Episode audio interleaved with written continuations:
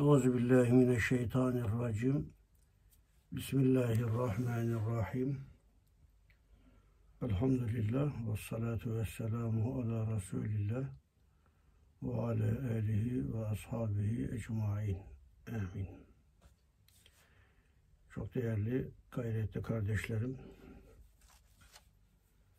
Hizmet Rehberi kitabını beraber okuyoruz. İslam davasına hizmet edecek kimselerin belli metotlara riayet etmesi lazım. Tıpkı namaz kılarken belli şartlara riayet ettiği vesaire ibadetlerin de belli şartları, farzları olduğu gibi. Bu mevzuyu ele alırken hizmet rehberinde geçen bir prensip vardı cemaatta vahidi sahih olmazsa cem ve zam kesir darbı gibi küçültür. Bunun üstünde durmuştuk ve bizlere vahidi sahih lazımdır. Yani sıhhatli bir birlik, vahdet, ittifak, ittihat, bir araya gelme gibi farklı tabirlerle de meseleyi ele alabiliriz. Bu husus çok önemli olduğu için üstünde şu ana kadar dört herhalde üç üç sohbet yaptığımızı hatırlıyorum. Bir genel manada bu cümlenin tahlilini yaptık. İkinci olarak ihtilafın sebepleri üstünde durduk. Üçüncü olarak da ittihadın, kardeşliğin lüzumuna temas ettik. Bugün bir sohbet daha ilave etmek istiyorum. Acaba nelere dikkat edersek, riayet edersek bu birlik ve beraberlik, kardeşlik gerçekleşebilir. Bu ana hususun üstünde birazcık durmak gerekir. Öyle birlik ve beraberlik havariliği yapmakla bu birlik ve beraberlik gerçekleşmez.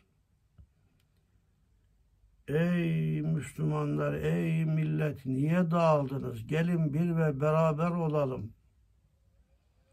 Çağrısında bulunuyor. Ama öbür taraftan fiillerine, konuşmalarına, tavır ve davranışlarına, sloganlarına bakıyorsunuz de birlik ve beraberliğe hizmet edecek mahiyette olmadığını görüyorsunuz. Gelin birleşelim derken nerede? Yani benim olduğum yerde demek istiyor.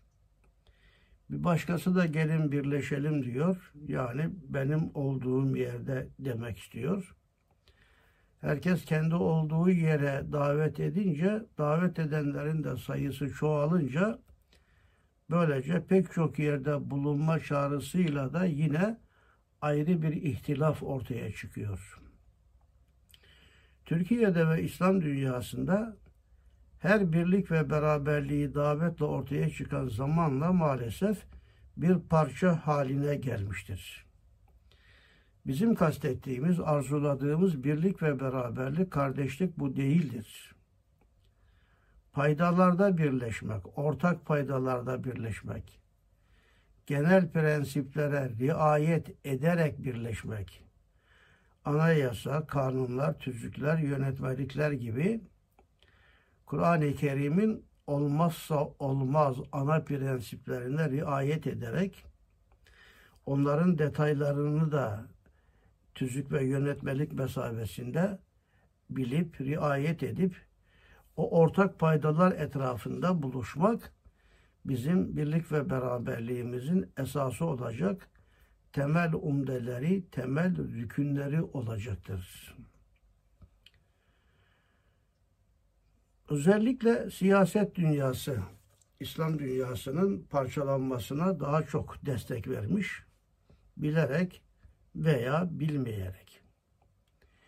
Bizler o sloganlardan uzak olarak gerçekten Kur'an-ı Kerim'de vahdet için hangi prensipler ortaya konmuştur?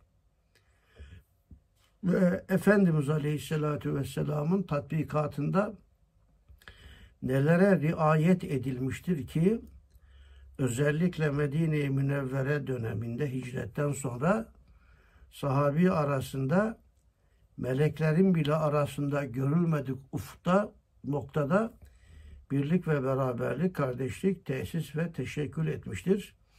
İşte bunlara bakmamız, riayet etmemiz gerekmektedir.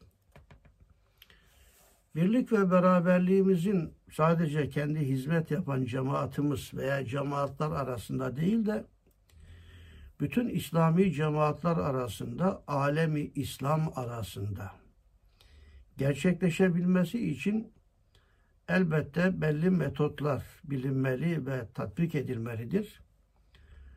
Kısa kısa madde be madde bu hususu özetlice ve süratlice bir gözden geçirmek istiyorum. Öncelikle 22. mektubun prensipleri iyi bilinmelidir. 6 tane ana prensip var orada. Bu hafta lütfen okuyunuz. İkinci olarak 20. ve 21. lemalar, İhlas Risaleleri, özellikle 20. lemada İslam dünyasının ihtilafına çare açısından da yaklaşırken orada da yine altı tane sebebe dikkat çekiliyor. Altı mesele var ve bunların çareye yeganesinin de ihlas olduğuna dikkat çekiyor. Keza 21. lem'ada da öyle. Yani birlik ve beraberlik çağrısı yapanlar ihlassız oldukları için İslam dünyasının menfaatini düşünmekten Allah rızasını hedeflemekten daha ziyade kendi menfaatini veya kendi grupçuğunu öne çıkartmak istediği için ihlas kayboluyor. İttihat ve ittifak da böylece arada eriyip gidiyor. Ve ayrıca bu mevzuda okunacak o kadar çok eser var ki sözlerin arkasındaki lemaatta lemaatı maddeleştirdim öyle baş, baştan sona doğru 1, 2, 3 diye yazdım gittim. 58. ve 59. başlıktaki o bölümler hakkı bulduktan sonra e hak için ihtilaf çıkarma bir. Diğeri İslamiyet selim ve müsalemettir. Dahilde niza ve husumet istemez. Ey alemi İslami hayatın ittihatta ger ittihat istersen düsturun bu olmalı. Hüvel hakku yerine hüve hakkun olmalı. Hüvel hasen yerine hüvel ahsen olmalı. Aşağıya doğru bunun da izahatına dikkat çekiyor. Buraları da lütfen okuyunuz. Ayrıca tavsiye ederim bir eser ki Sulh Çizgisi kitabı. Allah rahmet etsin. İbrahim Canan hocamızın yazdığı Sulh Çizgisi kitabı. O çizgide, o metotlarda buluşursak sulh olur. Ve Hoca Efendi'nin de o kitaba yazdığı bir ön söz var. Küçük ebatla gibi görünen kitabın muhteviyatı geniş. Hoca Efendi'nin de o kitaba göre yazdığı ön söz kitabın içinde anlatılanların tamamını özetleyecek mahiyettedir.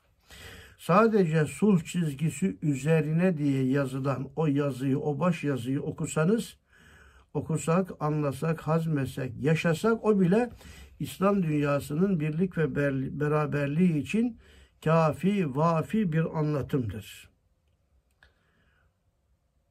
Ve bir de fakirin dikkatlice yazdığı bu gördüğünüz Vahdet Ruhu kitabı. Beklenen barış, vahdet ruhu o sulh çizgisinin de farklı bir noktada açılımından ibarettir.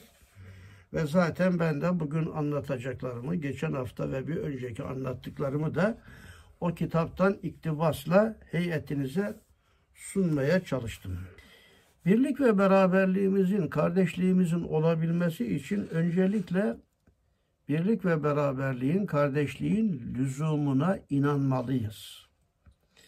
Geçen hafta lüzumu üstünde uzunca bir açılım yapmıştık.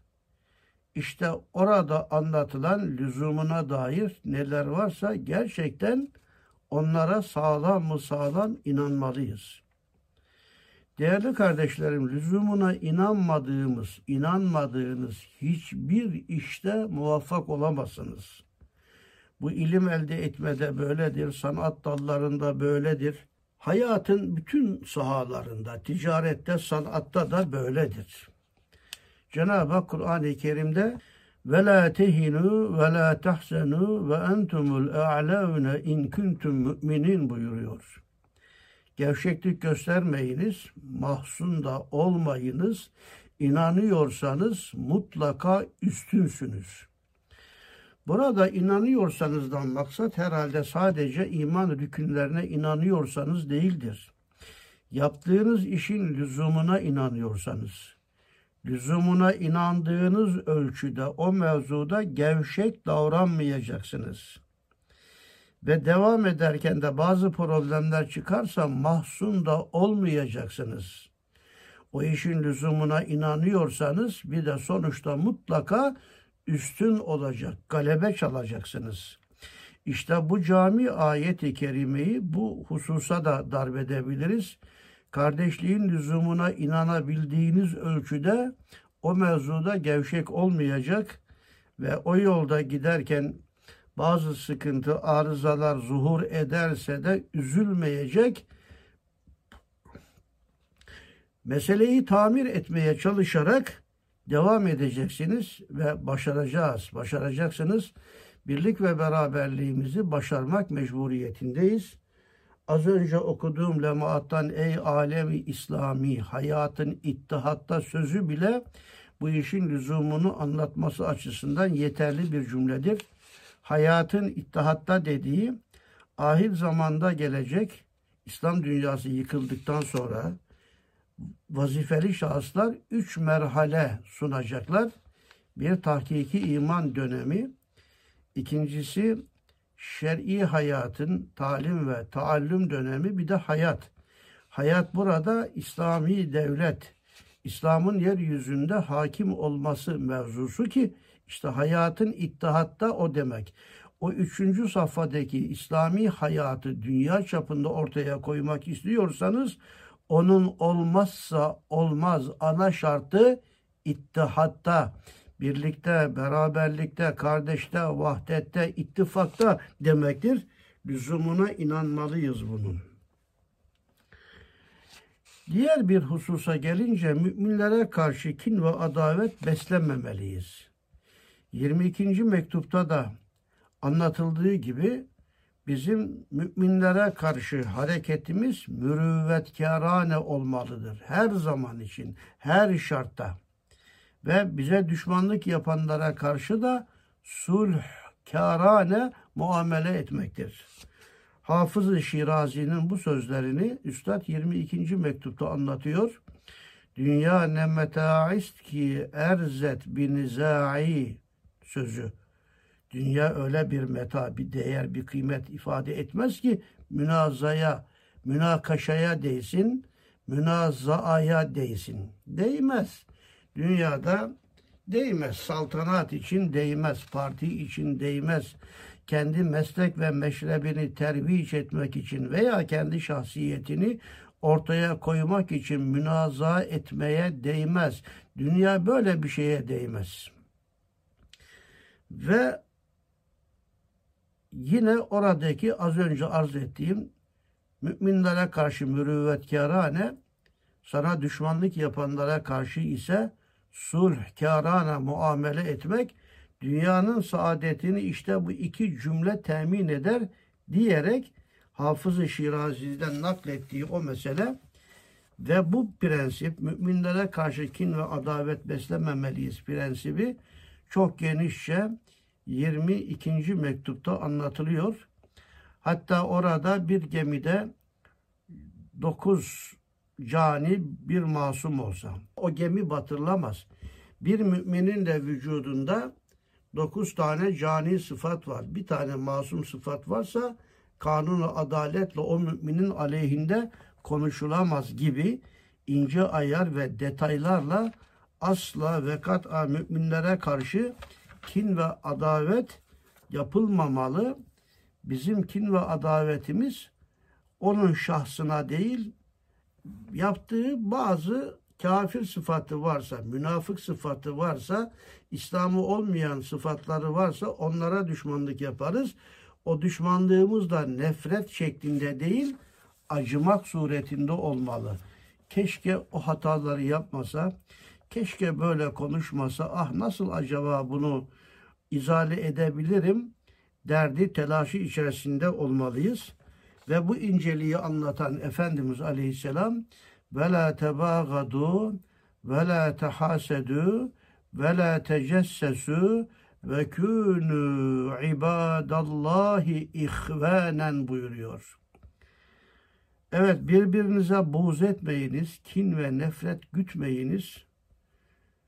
Birbirinize haset etmeyiniz ve birbirinizin kusurlarını araştırmayınız. Ey Allah'ın kulları! Kardeş olunuz kardeş çağrısında bulunuyor. Bu hadisi şerifi saatlerce tahlil etmek mümkündür. Efendimiz Aleyhisselam bu ifadeleriyle aynı zamanda hem kardeşliğe davet etmiş hem de kardeş olabilmek için de şartları şu buna riayet edin demiş. Birbirinize buğz etmeyiniz. Muhabbetin sebepleri daha fazladır. Birbirimizi sevmemiz gereken sebepler daha fazladır. Halikimiz bir, razıkımız bir, bir bir Allah'ın isimleri sayısınca bir bir. Peygamberimiz bir, kitabımız bir, kıblemiz bir, bir bir yüze kadar bir bir. Aynı vatanda yaşıyoruz. Aynı dönemde, aynı asırda yaşıyoruz. Ve aynı kaderi paylaşmışız. Bir bir ona kadar bir bir. Bu kadar birbirler bir ve beraber olmayı gerektirirken cüz'i küçük hoşuna gitmeyen şeylerden dolayı mümin kardeşine kin ve nefret etmek, buz etmek en azından insafsızlıktır. İnsafını kaybetmiş bir insan dininin yarısını kaybetmiştir. Efendimiz Aleyhisselatü Vesselam insaf dinin yarısıdır insaf dindarlığın yarısıdır buyurmak suretiyle bu noktaya dikkat çekmiş ve kin ve nefret göstermemeliyiz. Birbirimize haset de yapmamalıyız ama hasete götüren birbirimizin gıpta damarını da tahrik etmemeliyiz. Gıpta şer'an caizdir. Ama üstad onu yasaklamış. Müminler kardeşlerinizin gıpta damarını tahrik etmemek demiş. Onun için yaptığınız hizmetleri anlatmanız bile bazen karşı tarafın gıpta damarını tahrik edebilir. Onun yanında aktif görünmek, ondan daha çok biliyor görünmek bile onun gıpta damarını tahrik edebilir. Senin hizmet namına bir makama çıkman, onu aşağıda görmen gıpta damarını tahrik edebilir. Siz anladınız genişçe bunları yaşıyorsunuz belli şartlar içerisinde. Bu gıpta damarının bile zamanla hasede dönüşmesi, parçalanmaya ve bölünmeye sebebiyet vermesi olabiliyor. Ve insanlığın başının ilk belası Kabil'in Habil'i öldürmesi hasetle olduğu ayetlerle de sabittir. Ve ayrıca bir, bir de orada vela tecessesu var. Birbirlerinizin kusurlarını araştırmayınız.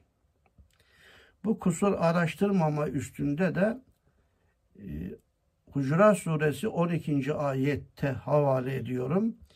Ya eyyühellezine amenü cütenibu kethiran minazan inne ba'da zanni ismun ve la tecessesu ve la yağute ba'dukum ba'da sadakallahul azim.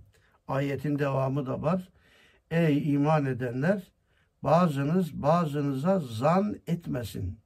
Çünkü zannın bir kısmı günahtır. Yani hüsnü zan sevap, suizan günahtır. Ve tecessesu birbirlerinizin kusurlarını da araştırmayın. Demek ki bir mümin, bir insan diğer insana suizan yapıyorsa ister istemez onun kusurlarını araştıracak. E kusurlarını da araştırıyorsa gıybet yapacak sonunda. Suizan tecessüse, tecessüs de gıybete götürür.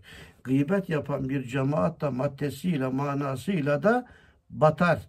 Nitekim veylülli küllü hümezetün lümeze kaşla, gözle, mimikle çekiştirenlerin, gıybet yapanların canı cehenneme dendikten sonra Fil suresinin hemen arkasından gelmesi gıybet yapan cemaatin veya milletin akibeti Ebrehe ordusunun akibeti gibi olacak. Nazmi manasında, bağlantısında önemli bir husus ortaya çıkıyor.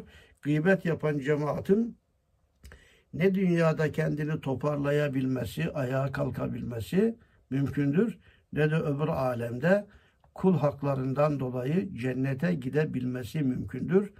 Bunların da üstünde çok genişçe durmak lazım, riayet etmek lazım.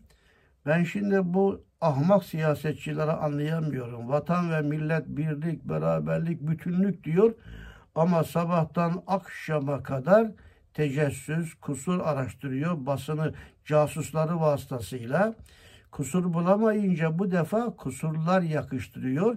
Yani iftiralar atıyor. Ona hain diyor, buna terörist diyor. Sonra da vatan ve milletin birliğini savunuyor. O perhis ne, bu turşu ne anlayabilmek mümkün değildir. Böyle bir şey o şahsın ancak ahmaklığına delalet ediyor.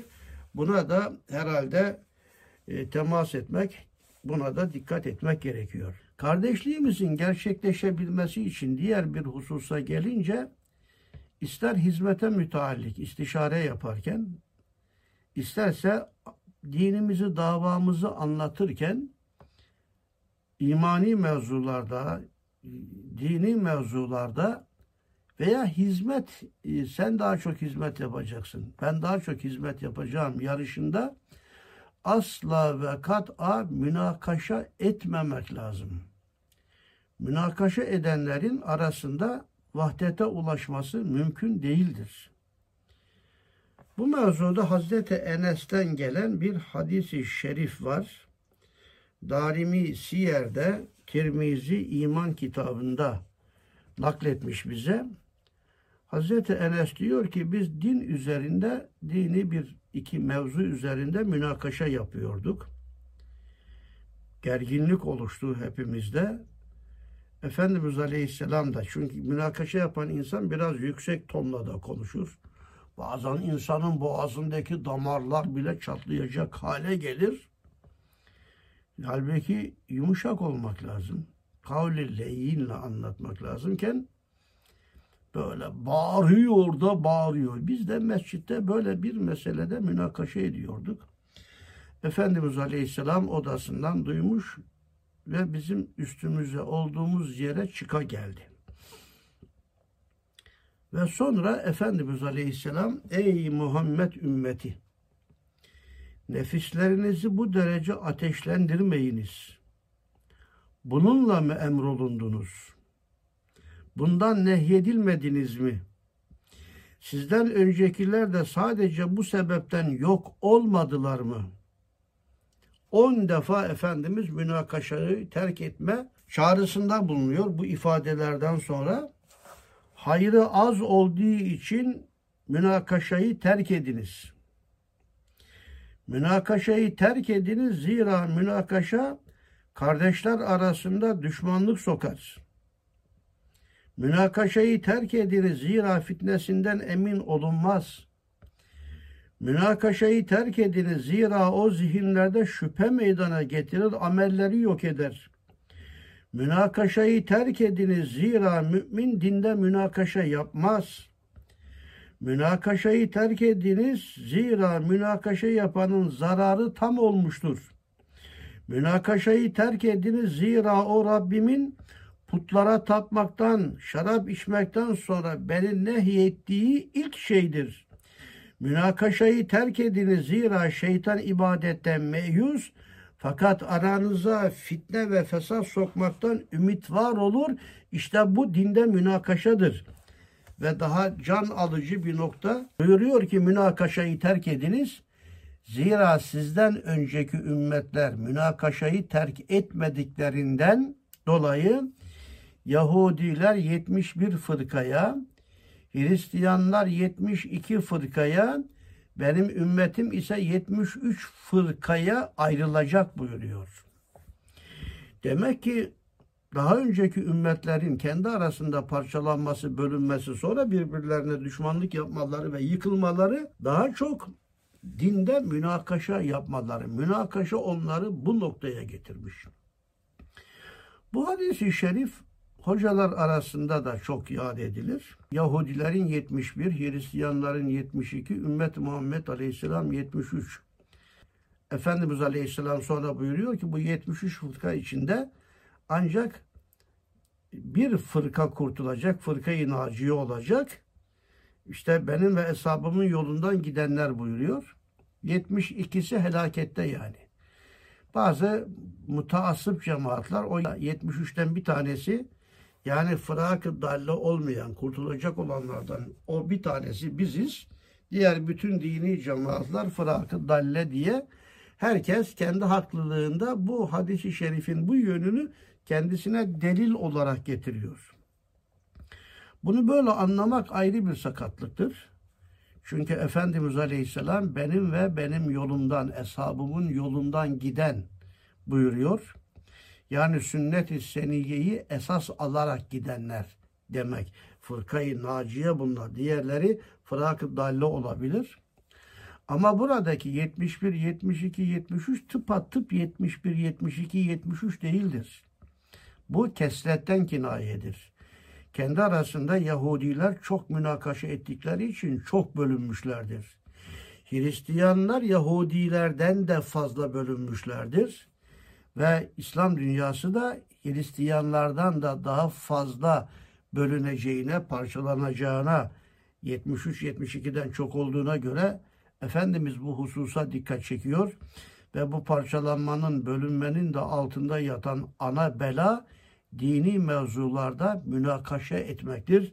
Dini müzakere etmesini bilememek, meseleyi anlatmasını becerememek, Kur'an-ı Kerim kavlu maruf, kavli leyin ve kulu linnâsu husne insanlara güzel söz söyleme.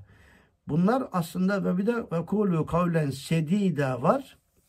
Yani Kur'an-ı Kerim söz söyleme sanatı üstünde durmuştur. Meseleyi anlatma usul ve uslubuna dikkat çekmiştir. Efendimiz Aleyhisselam'dan mervi bu mevzuda çok hadisler vardır.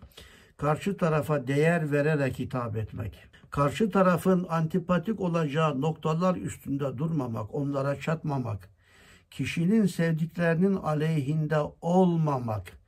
Sevdiklerinin güzel taraflarını anlatmak. Ona göre de doğru, bize göre de doğru olanlar üstünde durmak. Antipatik olmamak, sempatik olmak ve karşı tarafın aklını, düşüncesini hafife almamak, hangi şekilde düşünürse, ne ifade ederse etsin onlara değer vermek, haklı tarafları olabileceğini düşünmek, bütün bunlar bu münakaşa mevzusunda veya söz söyleme sanatında e, çok önemli noktalardır. Her bir kardeşimizin söz söyleme sanatıyla alakalı bir kitap okumasını, meseleyi iyi anlamasını tavsiye ederim. Bu mevzuda dini yönleriyle anlatılan kitaplar olduğu gibi Batı klasiklerinden yapılan tercüme edilmiş kitaplar da vardır. Batı klasiklerinden olunca yanlış demek değildir. Çünkü insanların bir aklı var, hayat tecrübesi var. İnsanlar fıtrat itibariyle doğrunun peşindedir. Hayatın tecrübeleri de var. O insanların da anlattıkları, buldukları, keşfettikleri şeyler içinde de elbette bu mevzuda alacağımız çok şeyler vardır. İttihat ve ittifaka gitmek için bu ince hususları çok iyi bilmek lazımdır. Üstad Hazretleri de kendisine münakaşa atmosferinde bir şey soruldu ise cevap vermemiş. Dakik mesaili imaniyeyi mizansız mücadele suretinde cemaat içinde bahsetmek caiz değildir. Mizansız mücadele olduğundan tiryak iken zehir olur diyenlere, dinleyenlere zarardır. Belki böyle mesaili imaniyenin itidali demle insafla bir fikir alışverişi suretinde bahsedilmesi caizdir demiş. Mektubatın 42. sayfasında böyle bir mesele anlatılmıştır. Evet biz bugün genelde maalesef istişare yaparken de meseleleri müzakere ederken de hakperestlikten daha ziyade hemen nefisperestliğimiz devreye giriyor. Ve zannediyoruz ki hep benim anlattıklarım en doğrudur. Başkaları yanlıştır. Halbuki başkalarının anlattıklarının da çok doğru. Benim düşüncelerim içinde yanlış olma ihtimalleri de vardır. Prensibiyle yaklaşsak herhalde ortak faydaları daha fazla bulabileceğiz diye düşünüyorum. Bizi kardeşliğe götürecek önemli umdelerden bir tanesi de iki hafta önce anlattığım ihtilafın sebepleri vardı. Evet biz ihtilaf edeceğiz elbette. Ama bu ihtilafı iftiraka dönüştürmek değil de rahmete dönüştürme prensipleriyle hareket etmeliyiz. Evet, ihtilafın fitneye bakan tarafı da vardır ki daha çok siyasetçiler, politikacılar bu yönü kullanmışlardır. Kendi grubunu başkalarına düşman yapmakla onları kendi yanında sağlamlaştırma mantığı şeytani mantık bu. Demagoji, cerbezedir bu. İnsanları parçalamak ve bölmektir. İhtilafı iftiraka, parçalanmaya, onu da fitne ve fesada dönüştürmek. Öyle yapmaktan daha ziyade ihtilaf ettiğimiz mevzularda onu acaba rahmete dönüştürebilir miyiz? Zira Efendimiz Aleyhisselam ihtilafın rahmete bakan yönüne de temas etmiş. Yine 22. mektupta da geçtiği gibi Efendimiz Aleyhisselam ihtilafı ümmeti rahmetün. Ümmetimin ihtilafında rahmet vardır demiştir. Ömer bin Abdülaziz'in naklettiği bir cümle var. Eğer Hz. Muhammed Aleyhisselam'ın eshabı ihtilaf etmeseydi üzülecektim diyor. Zira ruhsat ortadan kalkmış olacaktı. Sehavi Makasudul Hasene'de 27. sayfasında Ömer bin Abdülaziz'in bu cümlesini bize nakletmiştir. İhtilafın rahmete dönüşmesi, dönüştürebilmek için de şu inceliklere dikkat etmek lazımdır. Farklı düşünceler, farklı düşüncelerle oluşan farklı fikir grupları veya kalbi hayat etrafında meydana gelen farklı buluşmalar yani mezaklar, meşrepler, tarikatlar bunları kaderi ilahi noktasında birer vazife taksimi olarak görmek lazımdır. Tıpkı İslami ilimlerin tefsir, fıkıh, kelam, hadis gibi kendi arasında vazife taksimi yapması gibi. Ya tefsir ilmi var, fıkıh ilmi var, hadis ilmi var, kelam var, tef, tasavvuf var deyince eyvah eyvah bu İslami ilimler bölünmüş, parçalanmış, fitne var, bir işe yaramaz diyemeyiz. Çünkü her ilmin doldurduğu bir boşluk vardır. Bu kader ilahi noktasında her ilim, her hakikatin ortaya çıkması için ilimler kendi arasında kader ilahi yönüyle vazife taksimi yapmışlardır demek. Aynı meseleyi bir millet için, ordu içinde söyleyebiliriz. Havacı var, karacı var, denizci var. Onların da kendi içinde ayrı yerleşim sistemleri var. Eyvah ya havacı, karacı, denizci, ordumuz bölünmüş, parçalanmış demeyiz ki. Vazife taksimi yapmış deriz. Havacı havadan gelen tehlikelere, karacı karadaki tehlikelere, bahriyede denizden gelen tehlikelere karşı vatan ve milleti koruyacak deriz. Burada tehlikeli olan şudur. Havacının vazifesi havadan gelen tehlikelere karşı e, vatanı korumak iken karacıya hücum ederse, karacı denizciye hücum ederse işte tehlikeli olan budur. Her bir fikirin, her bir meslek meşrebin, itikadi mezheplerin, ameli mezheplerin veya değişik dini cemaatlerin, tarikatların ekolojik denge içindeki doldurduğu her yılanın bile yılan zararlı, akrep zararlı ama bu top şeyde varlıklar dünyasında ekolojik dengede onların bir faydası var. Yılanları yok etsek acaba ne gibi ne gibi arızalar meydana gelir? İşte bunlar gibi her fikir sisteminin, her cemaatin içtimai hayatta doldurduğu bir boşluk vardır. Ve bunları kader ilahi noktasında vazife taksimi yapmış görerek e, biz birbirimize hücum etmemeliyiz. Nasıl karacı denizciye hücum ederse bil ki karada memleketi koruyamıyor. Hangi cemaat da diğerlerine hücum ediyorsa bil ki vazifesini yapmıyor. Kendi konumuna ihanet ediyor demektir. Birbirlerine hücum etmekten daha ziyade birbirlerinin noksanlarını tekmile etmek, birbirlerine yardımcı olmak ve taavenu alel birri ve takva ayetinin emri mucibince iyilikte ve takvada yardımlaşmak, nasıl yardımlaşacaksak bunun da kendi içinde ayrı metotları var. Bu İslam birliğinin kurulması açısından çok ama çok önemli bir meseledir. Evet, ihtilafı rahmete dönüştürmek. Ve ayrıca bu mevzuda şunu da ilave etmek lazımdır ki ihtilaf aynı zamanda hayırda musabakanın rengi noktasıdır. Kur'an-ı Kerim'de Cenab-ı Hak namazda yarışın, oruç tutmada yarışın dememiş. O şahsi ibadetlerde yarışmaya davet yok. Onlarda daha çok ibadette ihlasa davet vardır. Ama içtimai hizmetlerde hayırda musabakaya Cenab-ı Hak davet etmiştir. Kur'an-ı Kerim'in kaç yerinde Cenab-ı Hak festebgul hayrat festebgul hayrat buyuruyor. Hayırda yarışınız. E, yarışma da bir kişiyle olmaz. En az iki kişi olacak. Daha fazla kimselerle olabilir. Hayırda yarışmak. Sen hizmet yapıyorsun. Allah razı olsun. Yap. Ama ben daha çok yapacağım. O da diyecek sen daha çok yap ama hayır ben daha çok fazla yapacağım. Hayırda yarışmak. Ama hayırda yarışırken Hakka hizmeti tek eline almak.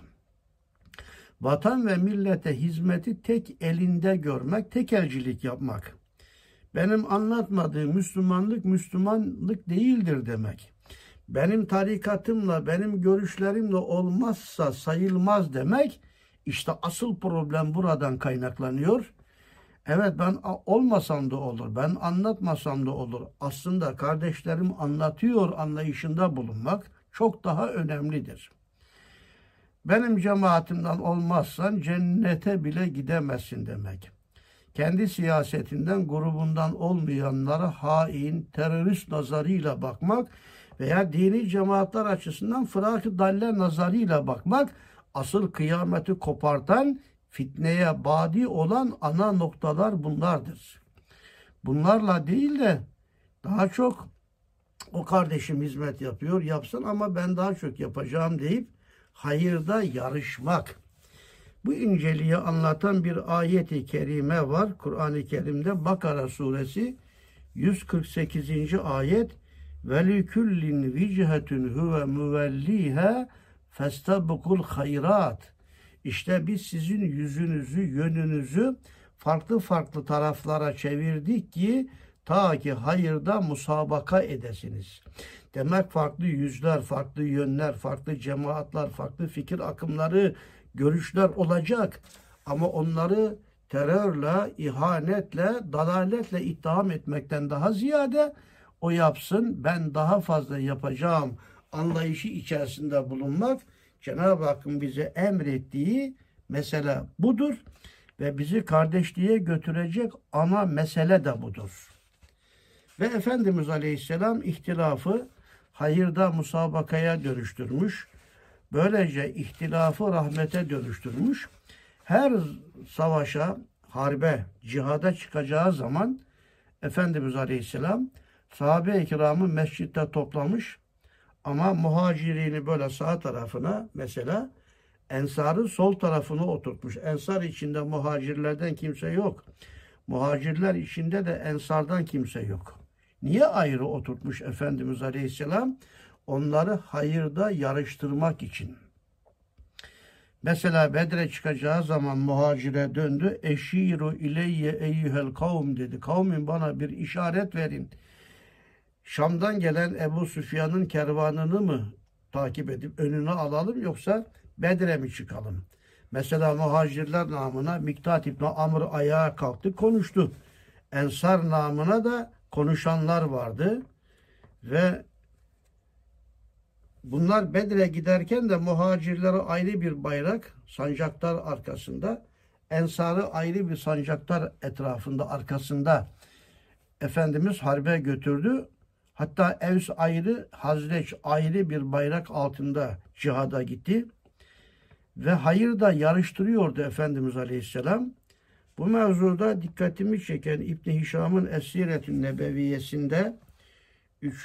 cilt 273. sayfada şu husus var. Ammar İbni Yasir diyor ki Resulullah Aleyhisselam kişinin kendi kavminin bayrağı altında savaşa katılmasını emrederdi. Bu tespit ne kadar önemli. Hayırda yarışa sokmak için. Ama birbirleriyle çarpışırsa olmaz. Bugün Türkiye'de RTE sayesinde dini cemaatler de kendi içinde çarpışıyor. Cemaatler birbirlerine karşı çarpışıyor. Her dini cemaat kendi içinde çarpışıyor ve ülke içinde çarpışmalar meydana getirdi. Aslında budur fitne, aslında budur ihtilafı iftiraka çevirmek, fitne ateşleri yakmak bu ve bir memlekete ve İslam dünyasına verilebilecek en büyük zarar da budur. Ve böyle ittifak olmaz. Böyle birlik ve beraberlik, kardeşlik olmaz. Firavunlar hiçbir zaman birlik ve beraberliğin sembolü de olamamışlardır. Bir başka meseleye gelince şunu herkes bilmeli ki bunu daha önce söylemiştim ama burada kısaca ilave etmek istiyorum. Vesilelerde ittifak mümkün olmadığı gibi caiz de değildir'i çok iyi bilmek lazım. Cemaatler, tarikatlar, siyasetler birer vesiledir. Maksat değildir, hedef değildir. Maksat nedir? Allah'ın davasına hizmet etmek. Kur'an'a, sünnete, insanlığa hizmet etmek ve İslam dünyasını, ülkemizi zilletten kurtarmak. Hedef bu. Bu hedefe götürücü fikirler, cemaatler, tarikatlar, partiler olabilir. Ama bu partileri veya cemaatları herkes kendisi maksat haline getirirse işte kıyamet buradan kopuyor. Herkes kendisini bir tabelanın altına koymuş. Ben filandanım, ya şu partidenim, ya şu cemaattanım koymuş. Sonra o tabelanın altında oturan herkesi cennetlik, oraya gelmeyen herkesi de ehli dalalet ve cehennemlik görmesi kadar İslam dünyasında şeytani bir ruh haleti olamaz. Bu korkunç bir felakettir.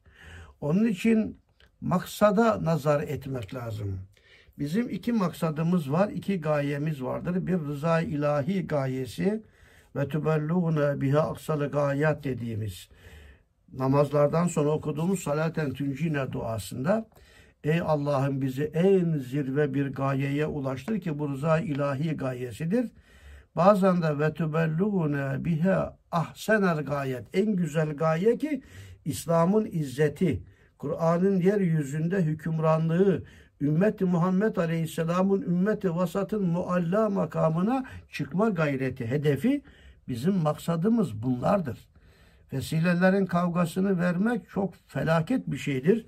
Bugün İslam dünyası maalesef bu felaketlerle dop doludur. Onun için birlik beraberlik olamıyor. Bir şair diyor ki Arap şairi İbaretüne şette ve husnüke vahid ve küllü zâke ile cemali yuşiru. İbarelerimiz ayrı ayrıdır ama her ibare bir manaya hizmet etmektedir. Evet bir manayı anlatmak farklı ibarelerle olabilir. Bir davaya hizmet farklı renklerle, farklı cemaatlarla olabilir. Mesela Nihat Sami Banarlı ölümü yüz küsur cümle ile anlatmış. Birisinin ölümünü söylüyorsunuz. Ölümü anlatacaksınız. Allah rahmet etsin. Başımız sağ olsun. Başınız sağ olsun.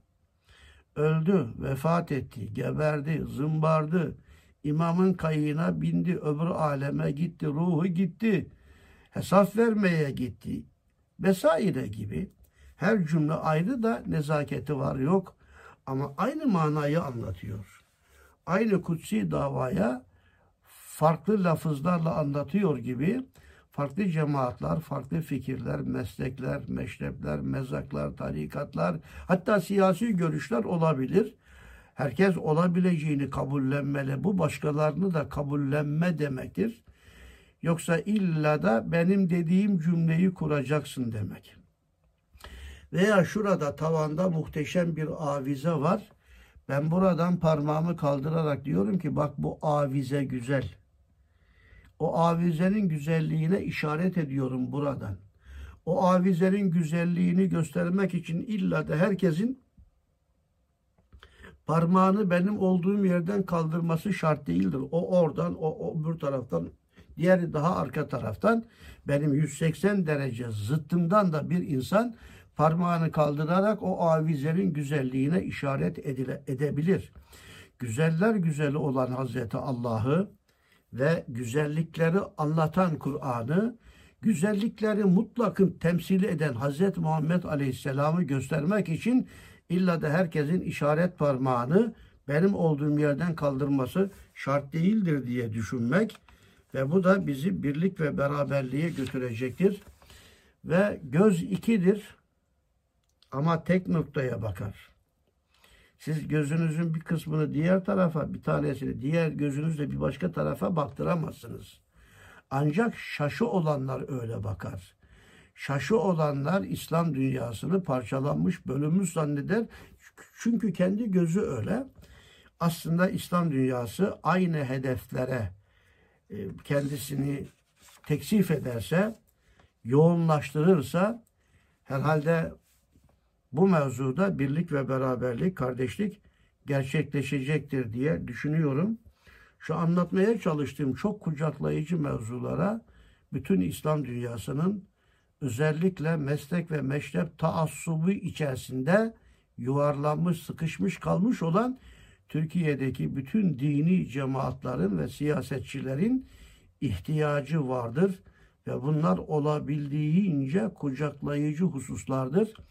Şu cümleleri tekrar ediyorum. Dine hizmet hiç kimsenin tek elinde değildir. Vatana hizmet hiç kimsenin tek elinde de değildir.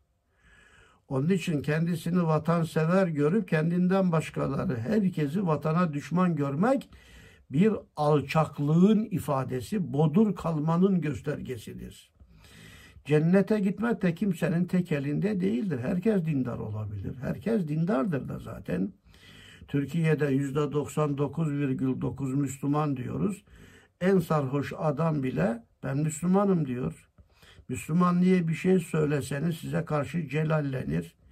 E herkes Müslümanken Müslümanlığı kendi tek eline alıp camileri tek eline alıp diğerlerini fırak-ı dalle görmek, sapık görmek ve böylece onlara hücum edip durmak bu ahmaklığın tekrar ediyorum bu tabiri salaklığın veya kasti yapıyorsa ihanetin ifadeleri ve göstergeleri olabilir. En azından bir cehalet göstergesi olduğunda şüphe yoktur.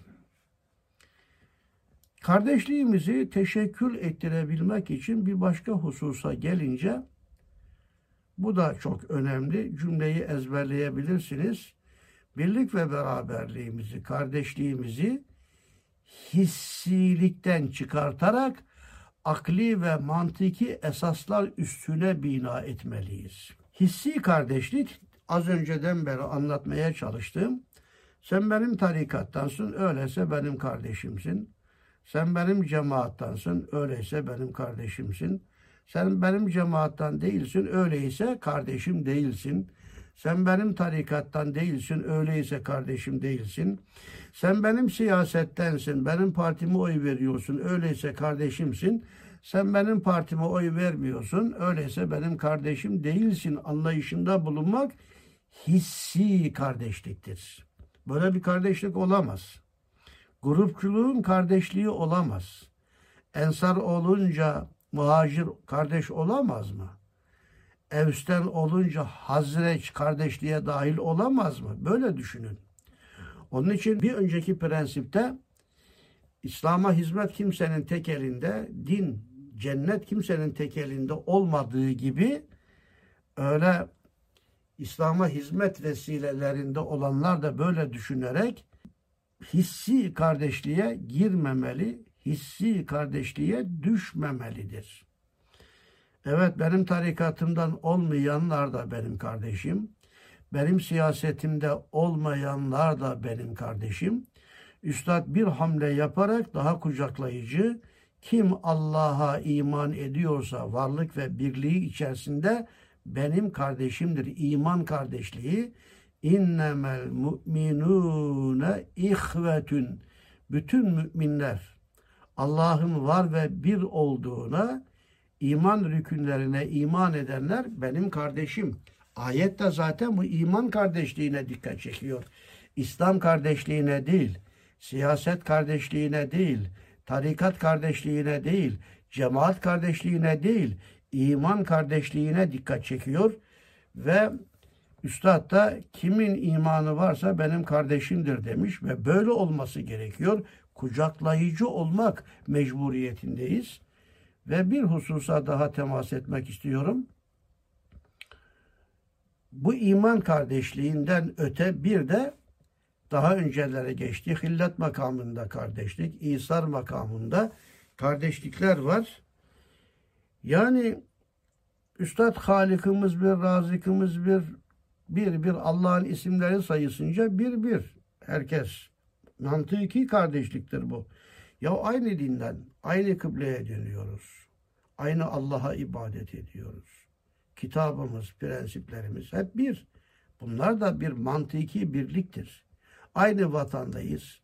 Aynı bayrak altındayız. O yönleriyle de ona kadar bir bir.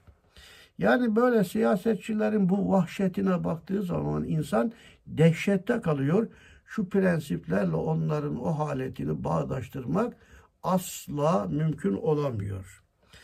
Onun için kardeşliği böyle mantiki esaslar üstüne bina ederek noktaya daha temas etmek istiyorum.